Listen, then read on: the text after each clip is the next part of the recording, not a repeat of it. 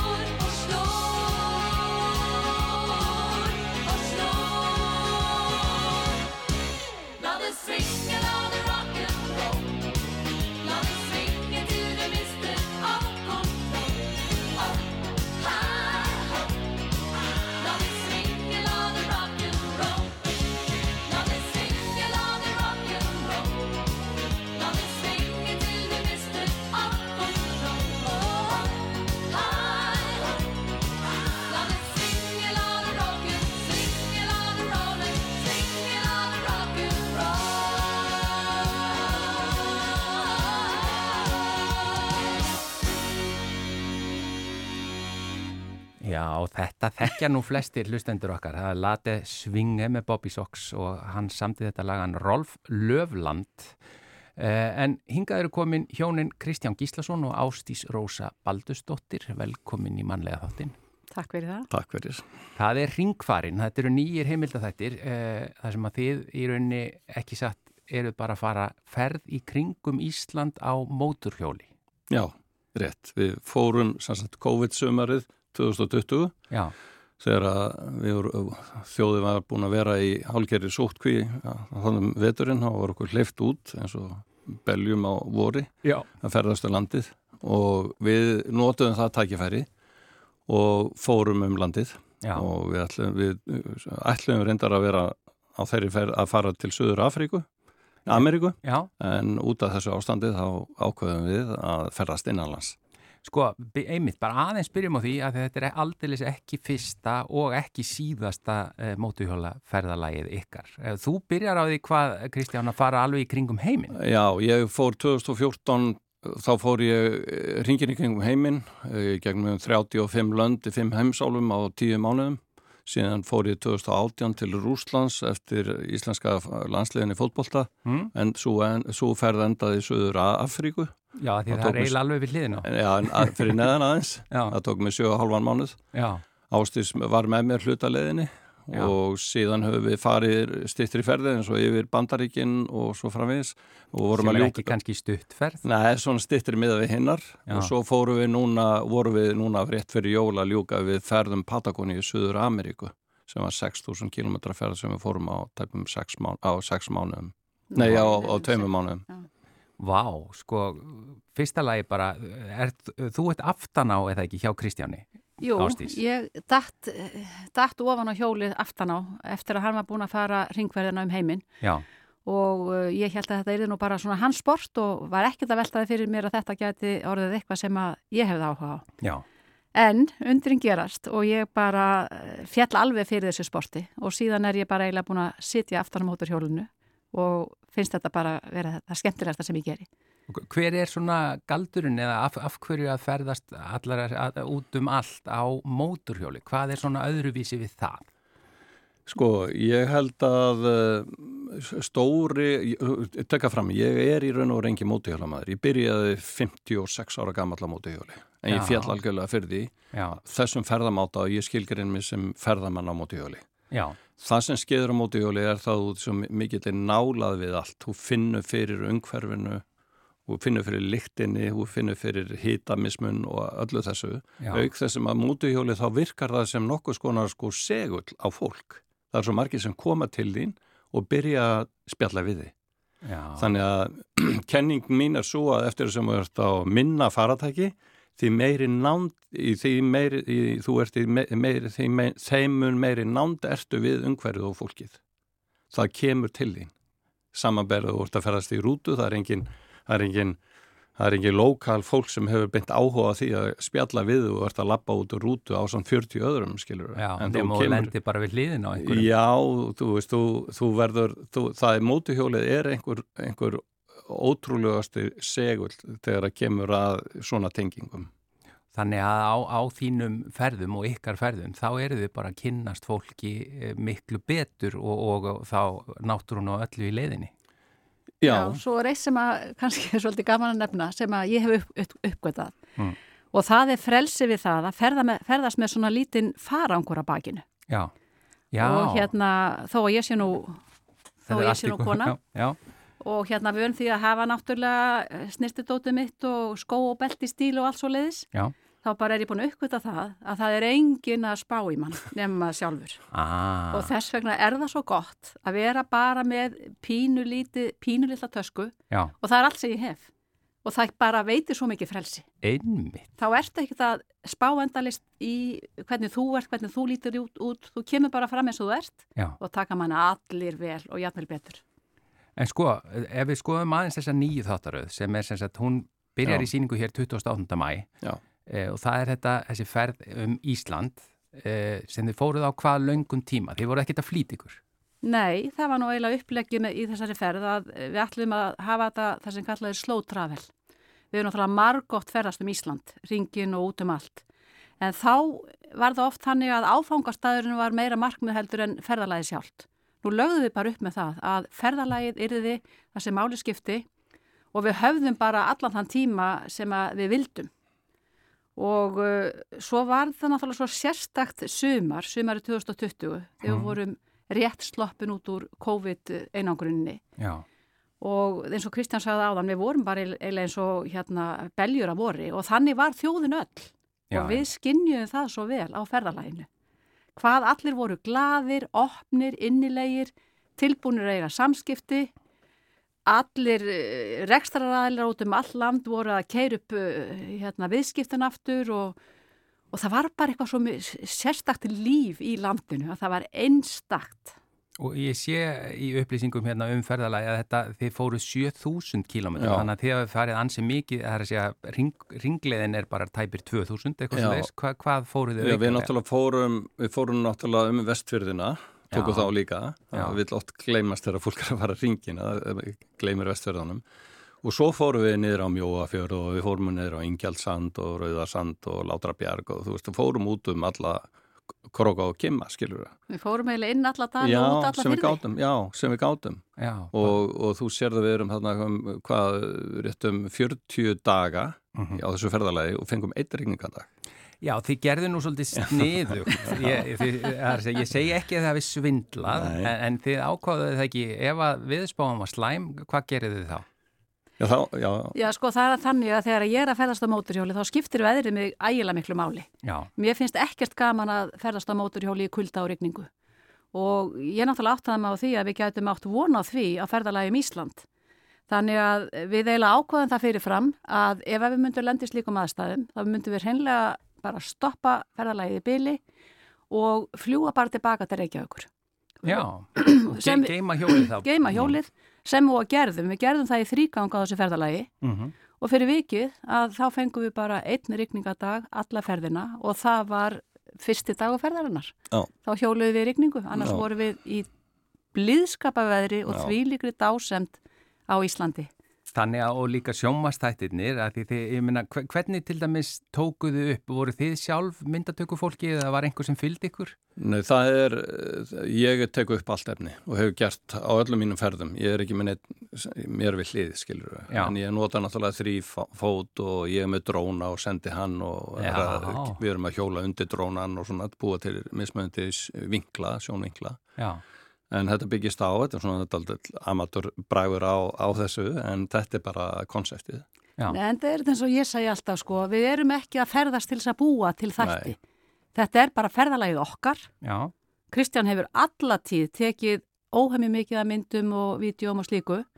Og þetta bara svona fættist af því að allt þetta myndefni hans var til. Já, það var, það varð að nýta það. Já, þannig laga, það, það var nú eiginlega svolítið tilviljun en Já, það má vel að segja það, en ég, ég myndi aldrei vilja sko hafa þetta þannig að ég væri að ferðast til þess að búa Nei, til þætti. Það er, það er aldrei upplegið. Við, við komum tilbaka og við skoðum efnið og sagafilm fer yfir efnið og segir, herru þetta er eitt þáttur, tveir eða þrý þættir, skilur. Já. Það lítur á efnið. Og þú gerðir, já, sagafilm vinna þá með já, ykkur eftirvinnslu á það. Já. Og þú, ég menna, ferðin þín í kringum heiminn, það já. voru hvað, þrýr þættir? Þrýr þættir, já. Og bók eða bækur? Já, bók, bók, ein bók þar, hringfæra bókin, og það voru fimm þættir eh, niður Afríku og ein bók þar. Já. Svo erum við að selja, það má ekki glemma því, við erum að selja bæði bækurnar og áhórsréttin á þessum þáttum til Ríkisjónarsins og öll innkoma fer í styrtarsjóð hringfærans og Já. við erum að styrkja uh, góðgerðamál og við höfum nú þegar útlutað 22 miljónum til styrkjamála. Sem hafi bara sapnast í kringum þessa fennir? Já, bara, bara salan á bókonum og salan á síningaréttinum til Ríkisjónansins og svo sjáum við um fjármögnun á allri framlegslu. Já, og, og svo auðvitað hitti þið alls konar fólk eins og að leiðin í hérna um landið. E, og, og þá er þið að spjalla við þau og eitthvað smá svona viðtöl eða bara spjall eða... Já, það er bara, þú veist, þetta er, allt, þetta er ekki það ég, við séum að einhvern veginn að taka viðtöl við fólk, við bara kynnumst fólki Já. og svo bara á einhverju tímaskeiði segir, herðu, þú hafður áhugaverð að sögu og segja, er það sama þú segir mér þetta í, í, í upptöku, Já. skilur þau? Þannig verða til núna eins og í þessum þætti kannski óvenni mörg slík viðtöl af því að það voru allir svo opnir á þessum tíma þetta var bara töfrandi tími sem við lifðum þannig. Og það verður ekki verið neitt mjög mikið um erlendaferðamenni það á þessum tíma? Nei, Nei. Það var nú eiginlega hérna, stóri plúsin við þetta alls saman að við Íslandingar við áttum svolítið landið okkar þetta sumar. Einmitt. Og ég veit að við erum ekki einum það að hafa upplifað þá töfra og uh, fólk bara flyktist út um all land og naut þess að ferðast um landið okkar og hefðum það í friði. En þið voru núni í tvo mánuði að fara um Suður Ameríku, Patagóni og þar eh, voruð að gera þátt þar mögulega í leiðin? Sko, eins og ég segi ég tók upp efnið, ég tek alltaf upp efnið sko, já, skilur, já. ég á einhverja 700 stiklu sem ég hef búin að búa til sjálfur áður en fyrir einhverja framleiðslu já. þannig ég kem með fullta efnið tilbaka frá Patagóni stórkoslu efnið. Já, ég er nú ekki hissa þó að því eru gerða einhver skil, ég menna Tíli og Patagónia er svo stórkoslegt eh, er svo, er svo, já, Síli er svo stórkoslegt land og Patagónia algjörlega ógleimaleg þannig að með allt þetta efni þá finnst mér nú eiginlega eh, þessi ástæða til þess að gera því einhver skil en við sjáum hvað styrtur. Já, fyrst í þátturinn 28. mæ og við bendum bara fólki á það. Hvað er það margið þættir? Þetta eru þrýr þættir. Þrýr þættir núna. Á sunnudagskvöldum. Og svo eru bækurnar endi sölu, er, er ekki ringfari.is? Ringfarin.is og það er þetta að kaupa það Kristján Gíslason og Ástís Rósa Baldustóttir takk einlega fyrir að deila þessu aðeins með okkur og svo bara horfum við á þættina. Takk einlega fyrir komin í manlega þáttin Já, takk fyrir þetta sem er leiðis Takk fyrir að sína Kondu með það? Já, takk fyrir að sína Takk fyrir að sína sögun okkar áhuga. Takk fyrir. Okkar ánan, ég var aðeins og fljótur að setja lagi í gang en hér kemur það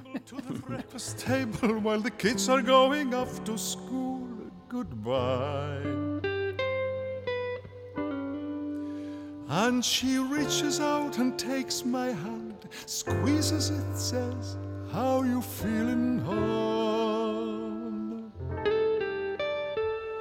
And I look across at smiling lips that warm my heart and see my morning sun.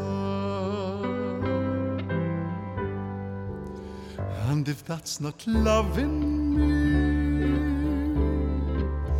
then all I've got to say. God didn't make little green apples and it don't rain in Indianapolis in the summertime. There's no such thing as Dr. Seuss, Disneyland and Mother Goose, no nursery rhyme. God didn't make little green apples and it don't rain in Indianapolis in the summertime And when myself is feeling low, I think about her face aglow to ease my mind. Sometimes I call her up at home, knowing she's busy, and ask if she can get away and meet me and grab a bite to eat. And she drops what she's doing and hurries down to meet me, and I'm always late. But she sits waiting patiently and smiles when she first sees me, cause she's made that way. And if that's not loving me, then all I've got to say God didn't make little green apples and it don't snow in Minneapolis when the winter comes. There's no such thing as make believe, puppy dogs and autumn leaves and BB guns. God didn't make little green apples and it don't rain in Indianapolis when the summertime.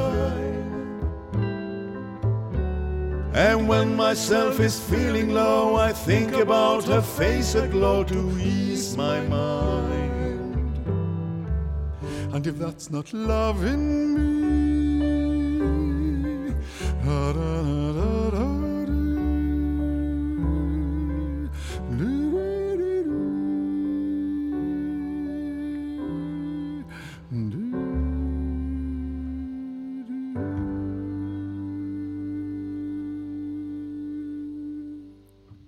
Þetta var Garðar Cortes að syngja lægið Little Green Apples eftir Bobby Russell. Já, síðastleina nýju mánuði hefur Már Gunnarsson tónlistamæður búið á Englandi þar sem hann stundar nám við hanskan tónlistarháskóla og segir að þetta hafi verið áskorun fyrir hann og leðsögu hundinans Max að læra inn á nýjar aðstæður og bjarga sér út í hennum stóra heimi. Már segir að fjölmörg tækifæri hafi gefist og uh, hann er hér á línunni og það er komið út glænýtt lag bara núna fyrir örfáum dögum sem við ætlum að heyra hér á eftir. En kontur sæl og blessaður Már.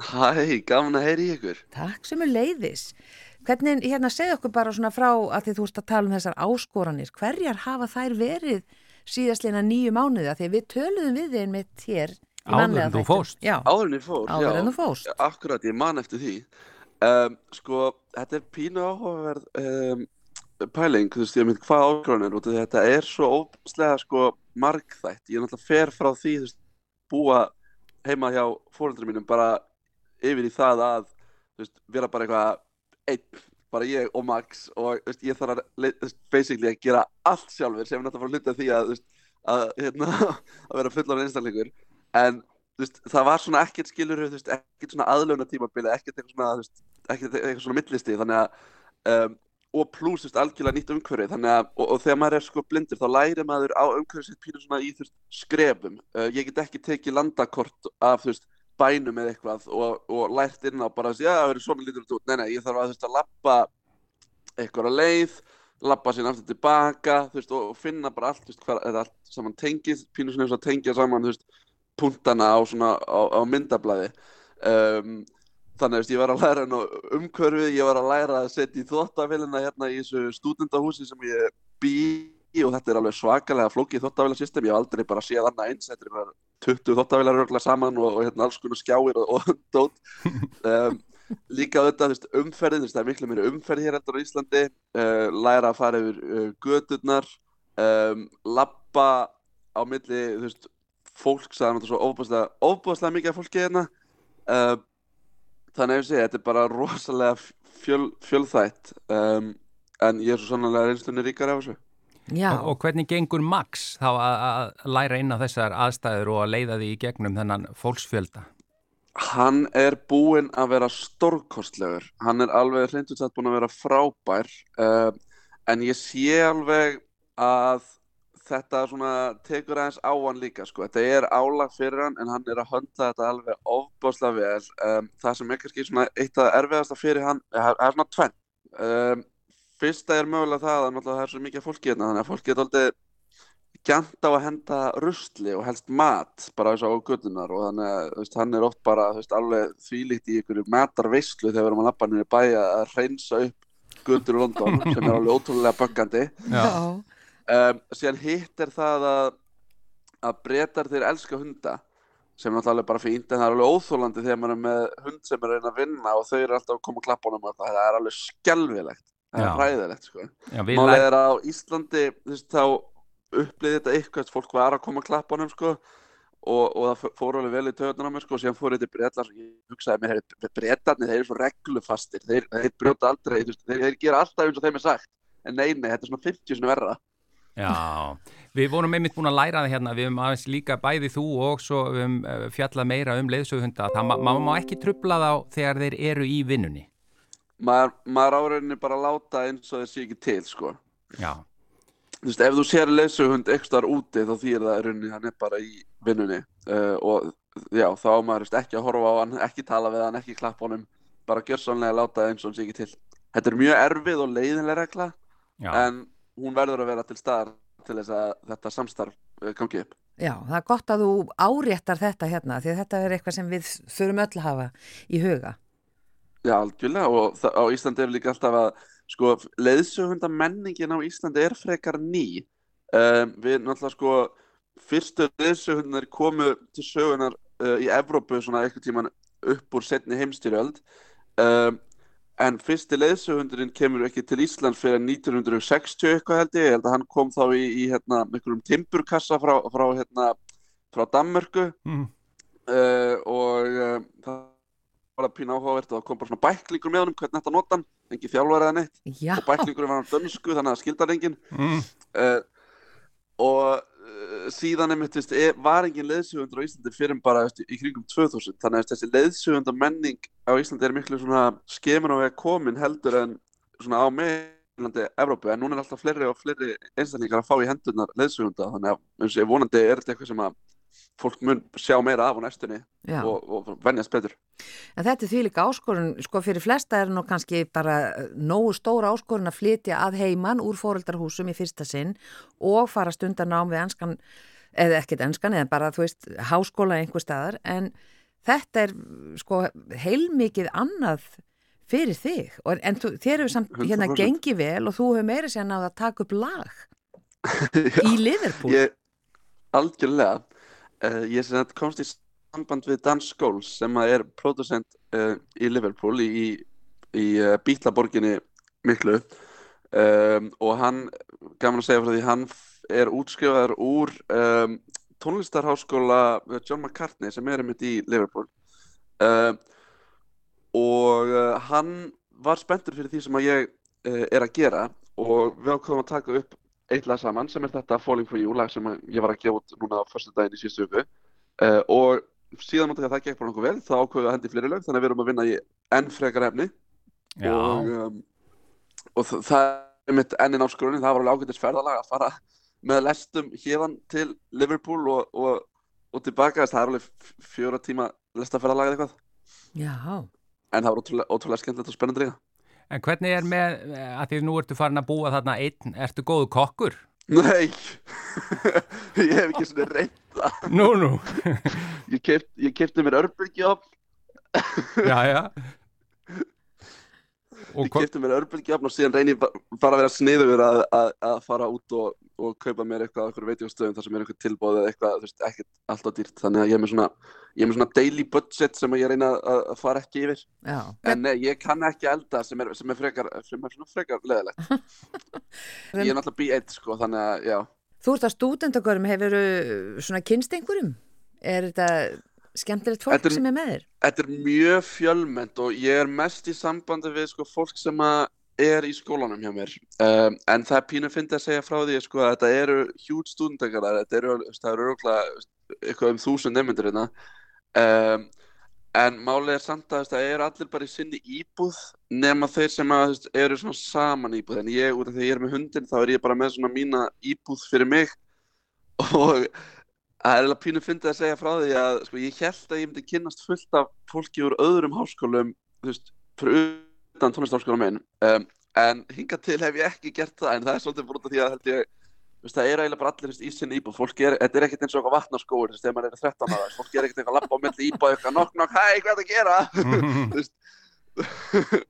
Það, það er pínu búið sko. Já, já. En svo ertu búin að, er það ekki það eru, það eru breytingar framöndan hjá, það er ekki sett Jú, það eru breytingar framöndan sem að er eiginlega frekar hérna, óvæntar út af því að ég er svona er búin að vera í þessum ágætis tónlistarháskóla sem ég er búin að vera í núna í, í eitt ár. Um, og félagi minn bendi mér á sagt, annan skóla sem er í Manchester sem heitir The Royal Northern College of Music og er einn af þessum konunglu tónlistarháskólum á Englandi.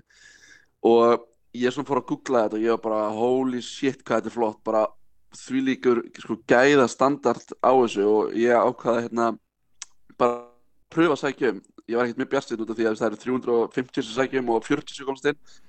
En ég var að fá bara postum það bara núna í vikunni að ég var í komin þarna inn og ég myndi þá svona uh, fara þongað í, í september. Já, Glæsileg. til hamingi með það. Æ, Takk fyrir það.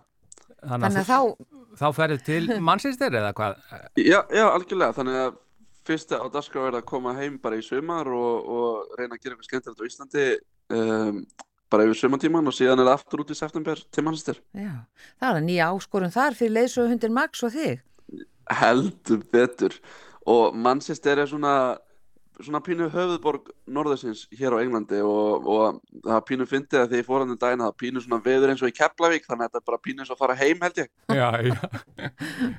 En hvernig er Max þegar þú ert í tónlistinni, þegar þú ert að sinna tónlistinni og ert að semja lög og svona, er hann þá bara rólegur og heyrist ekki díunum?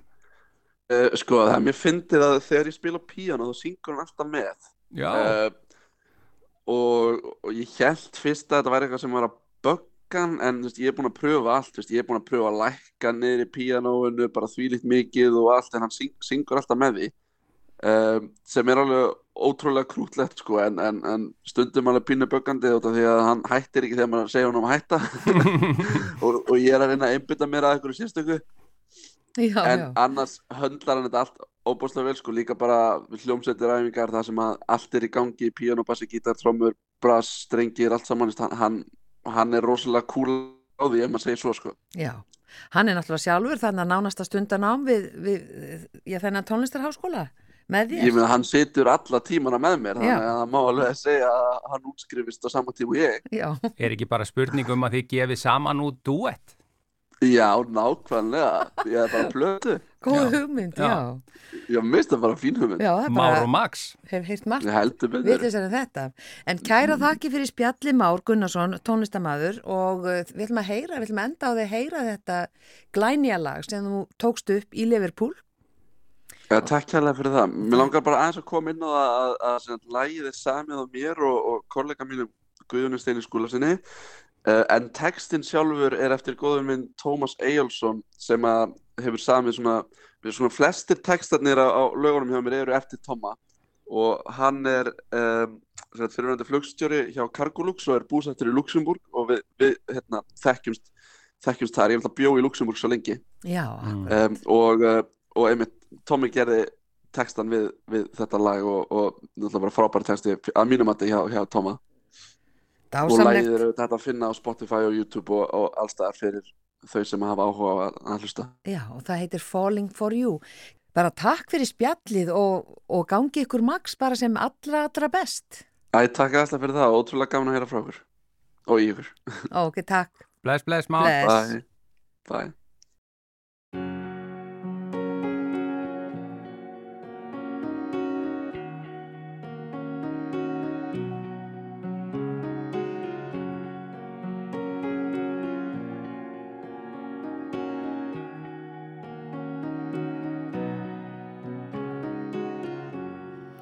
Sitting in my chair, didn't notice you were there. At the usual bar, I drank, I didn't care. You started to talk, at first I thought I'd walk. But something kept me listening, I thought we might swing. But then I looked at you, I thought, can it be true? I am falling came on to me. I thought, what could it be? But we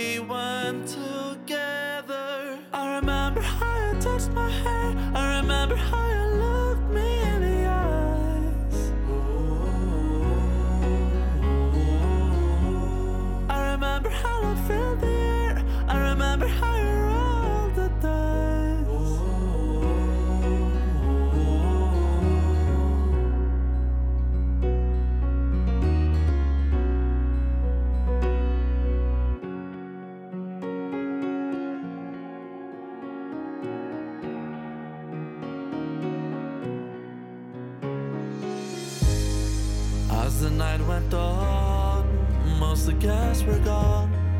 But the two of us, we didn't feel the rush. And we talked for long. You told me that my song had made quite a twist on your love, making less. Then I looked at you. I thought, can it be true?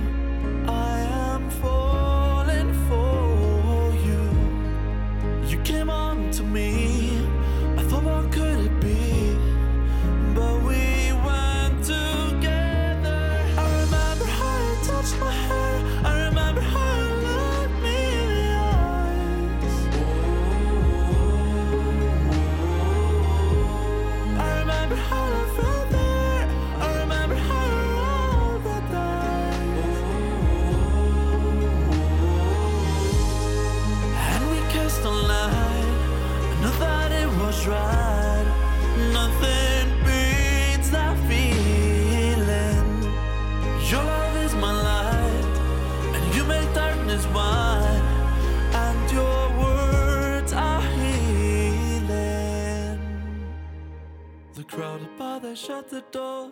Those we left the place and headed out.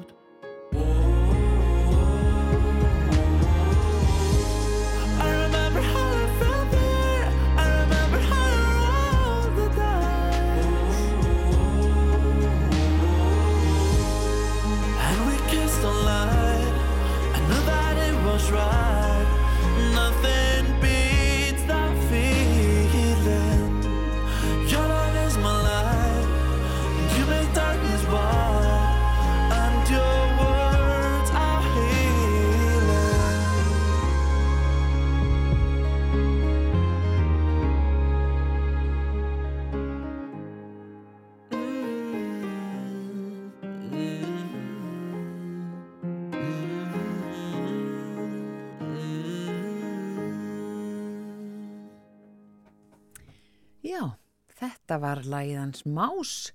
Hann var einmitt hérna hjá okkur í spjalli hérna rétt áðan. Þetta heitir Falling for You, glænit lag, Már Gunnarsson, lagi eftir hans og hann og texti eftir Tómas Eyjólfsson.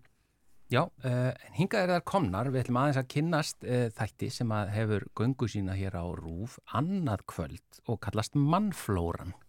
Sjannil Björk Sturludóttir og Álfeður Marta Kjartansdóttir velkomnar í mannlega þáttin. Takk fyrir. Mannflóru þáttin skulum bara kalla hann í dag. Nákvæmlega, líst vel á það. Hva, hvað eru þið að fara í þessum þætti? Sko þættinir eru í rauninni heimildathættir sem fjalla um fjölmenninguna og fjölbreytileikan í íslensku samfélagi. Og þetta eru þættir sem að mættalega segja séu svona hefðu kannski á blómstrað hér innan efsta leitisins. Að þetta eru þættir sem eru byggðir á útastáttum sem ég var með á ráseitt fyrir þó nokkrum árum. En ég sótti sem sagt um í hérna, hum, á hugmyndadöfum Mm. árið 2019 með þessa hugmynda að fjalla um fólk velundum uppruna á Íslandi, fólk eins og, eins og ég sjálf. Og var með hérna útastættina Íslensku mannflóran 2020 minnum við núna sem að vöktu alveg þó, þó mikla aðtigli og svo í kjálfarið þá heyrði ég hérna alfeymörstu vinkunum mína og ákveðum að, að hérna, hendi það að gera sjónvastætti út bara upp úr sama efni. Við erum búin að vera að reyna að þróa þess að þetta alveg í rúmlega tvö ár, næstu í þrjú og fengum styrk frá Nordvision til þess að gera þetta sérst fyrir ungt fólk, sérstaklega það er svona soldi markkópurinn en þetta er, það var held ég allir gott að ég horfa á þess að þetta. Já, Ég, ég get alveg skrifað undir það eftir að hafa hort á fyrsta þáttin að það er bara allir að horfa á Já. þessa þætti. Og þetta eru nokkri þættir, hvaða svona áherslur eru millir þáttana? Já, þetta eru fimm þættir og þeir eru svona cirka hálftíma langir. Um, fyrsti þátturinn þá eru við svolítið að snert á bara fjölmenninguna í heilsinni og svolítið að skoða líka bara fjölmenningar söguna, bara hvenar byrjar uh, þessi þróun á Íslandi og af hverju. Og þannig við tölum við uh, mismundi einstaklinga sem að svolítið endurspegla líka þessa þróun. Tölum við um, hann Ásæll Þór sem að var hérna ætlitur frá um, Indónesíu? Indonésiu, akkurat, fyrir alveg, minnum við, 30 eitthvað árum síðan.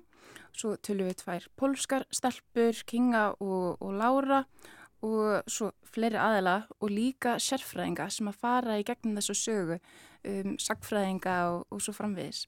Og svo er í hinum þáttunum þá eru að skoða aðeins svona afmarkaðara efni, um, til dæmis tökum við á fjölskyldulíf, hvernig upprunni hefur áhrif á á, hérna, á fjölskyldulíf þegar það eru blandaðar fjölskyldur Og bara ástarlíf einstaklingar líka að verðendum uppruna. Akkurat, Uh, svona mýtur, Mhm. blætisvæðingu og alls konar svo leiðis.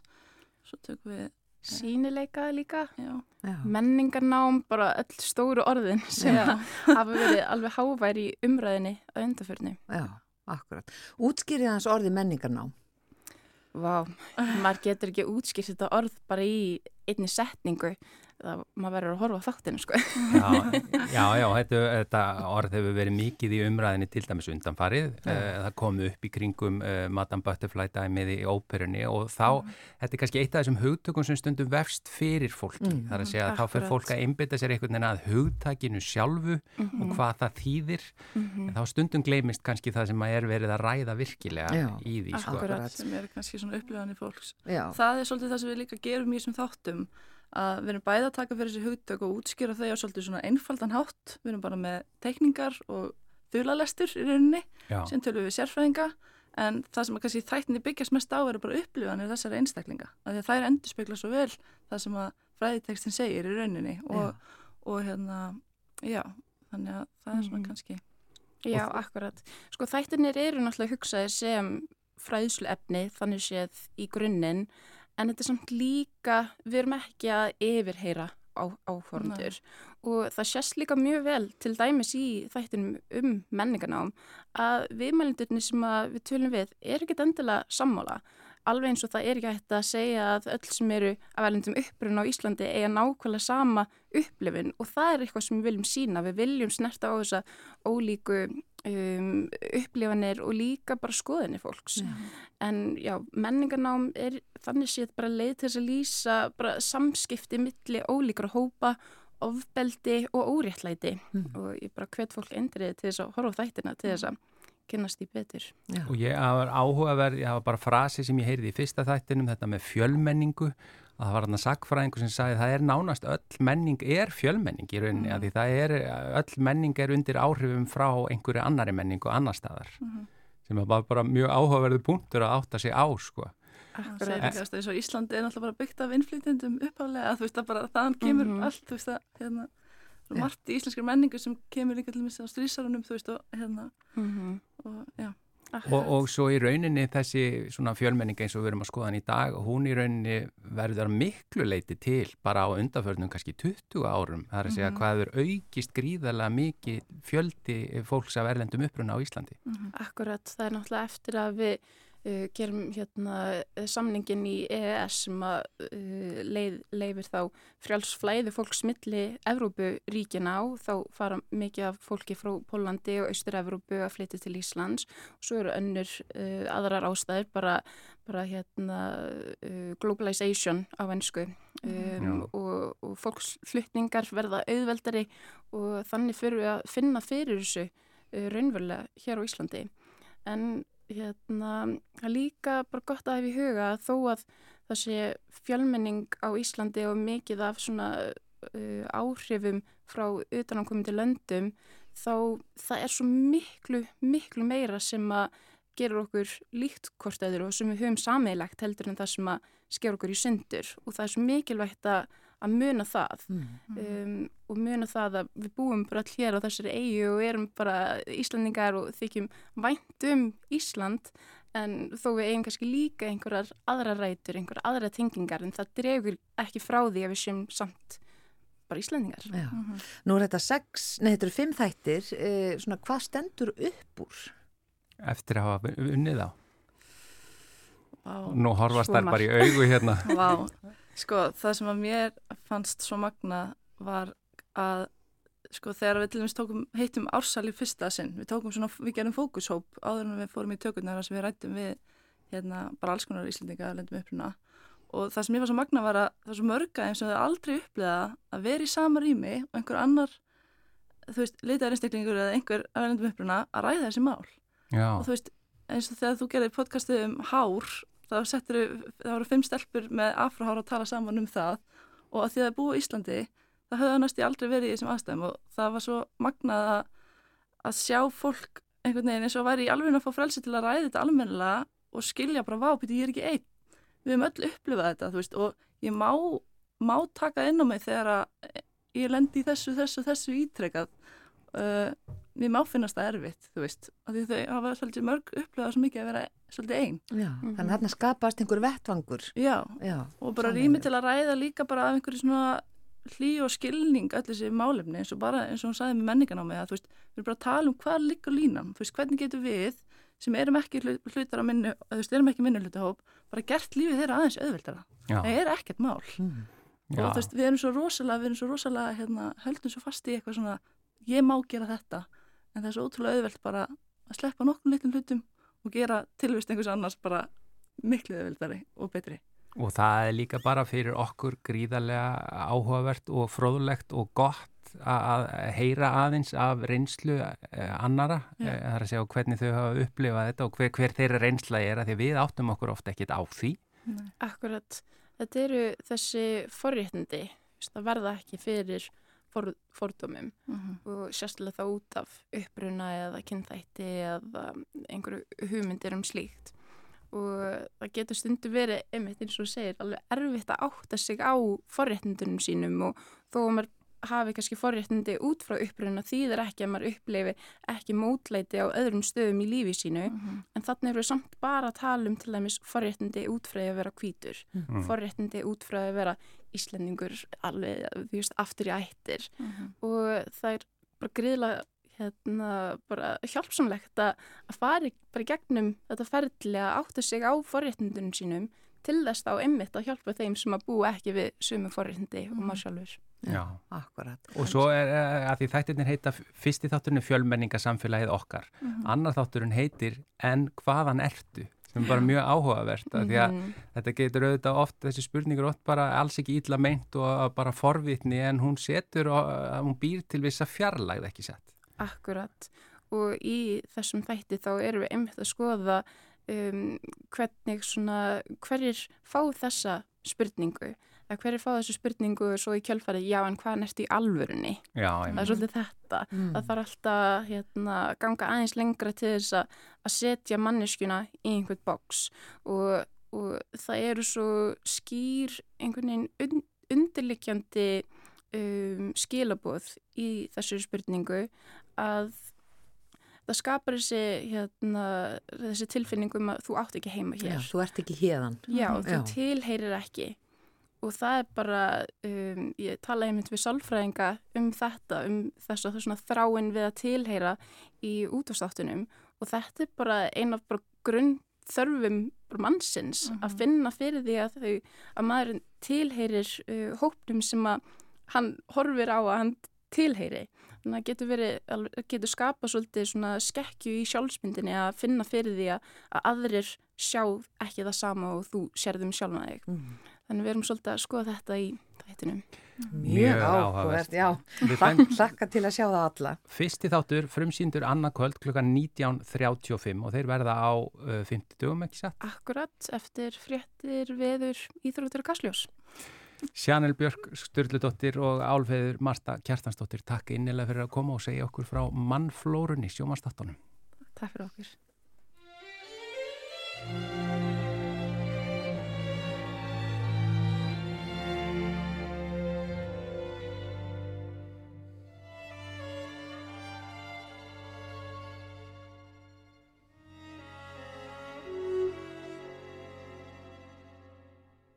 Um dia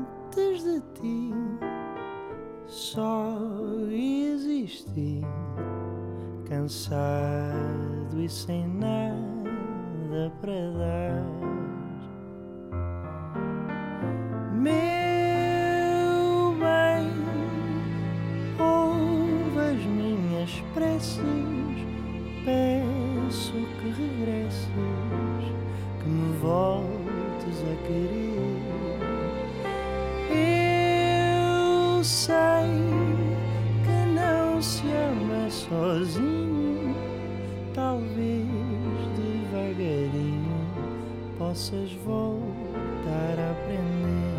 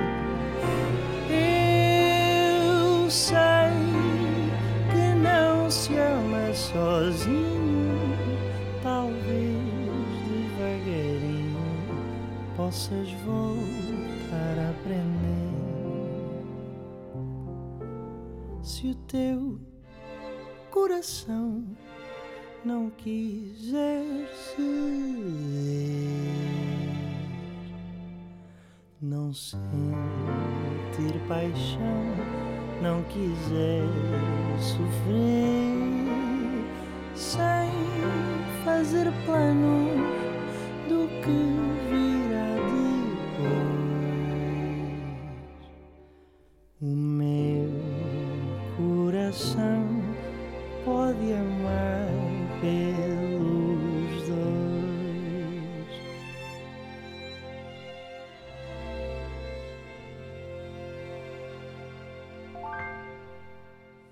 Amar pelos duas eh, Salvador Sobral og uh, lægið er eftir sýstur hans, Louise Sobral. Þetta er ennþá held ég upp á alls Eurovision lag margra. Já, þetta er svo fallegt. Já, sem að var auðvitað sigurlag Portugal. Já.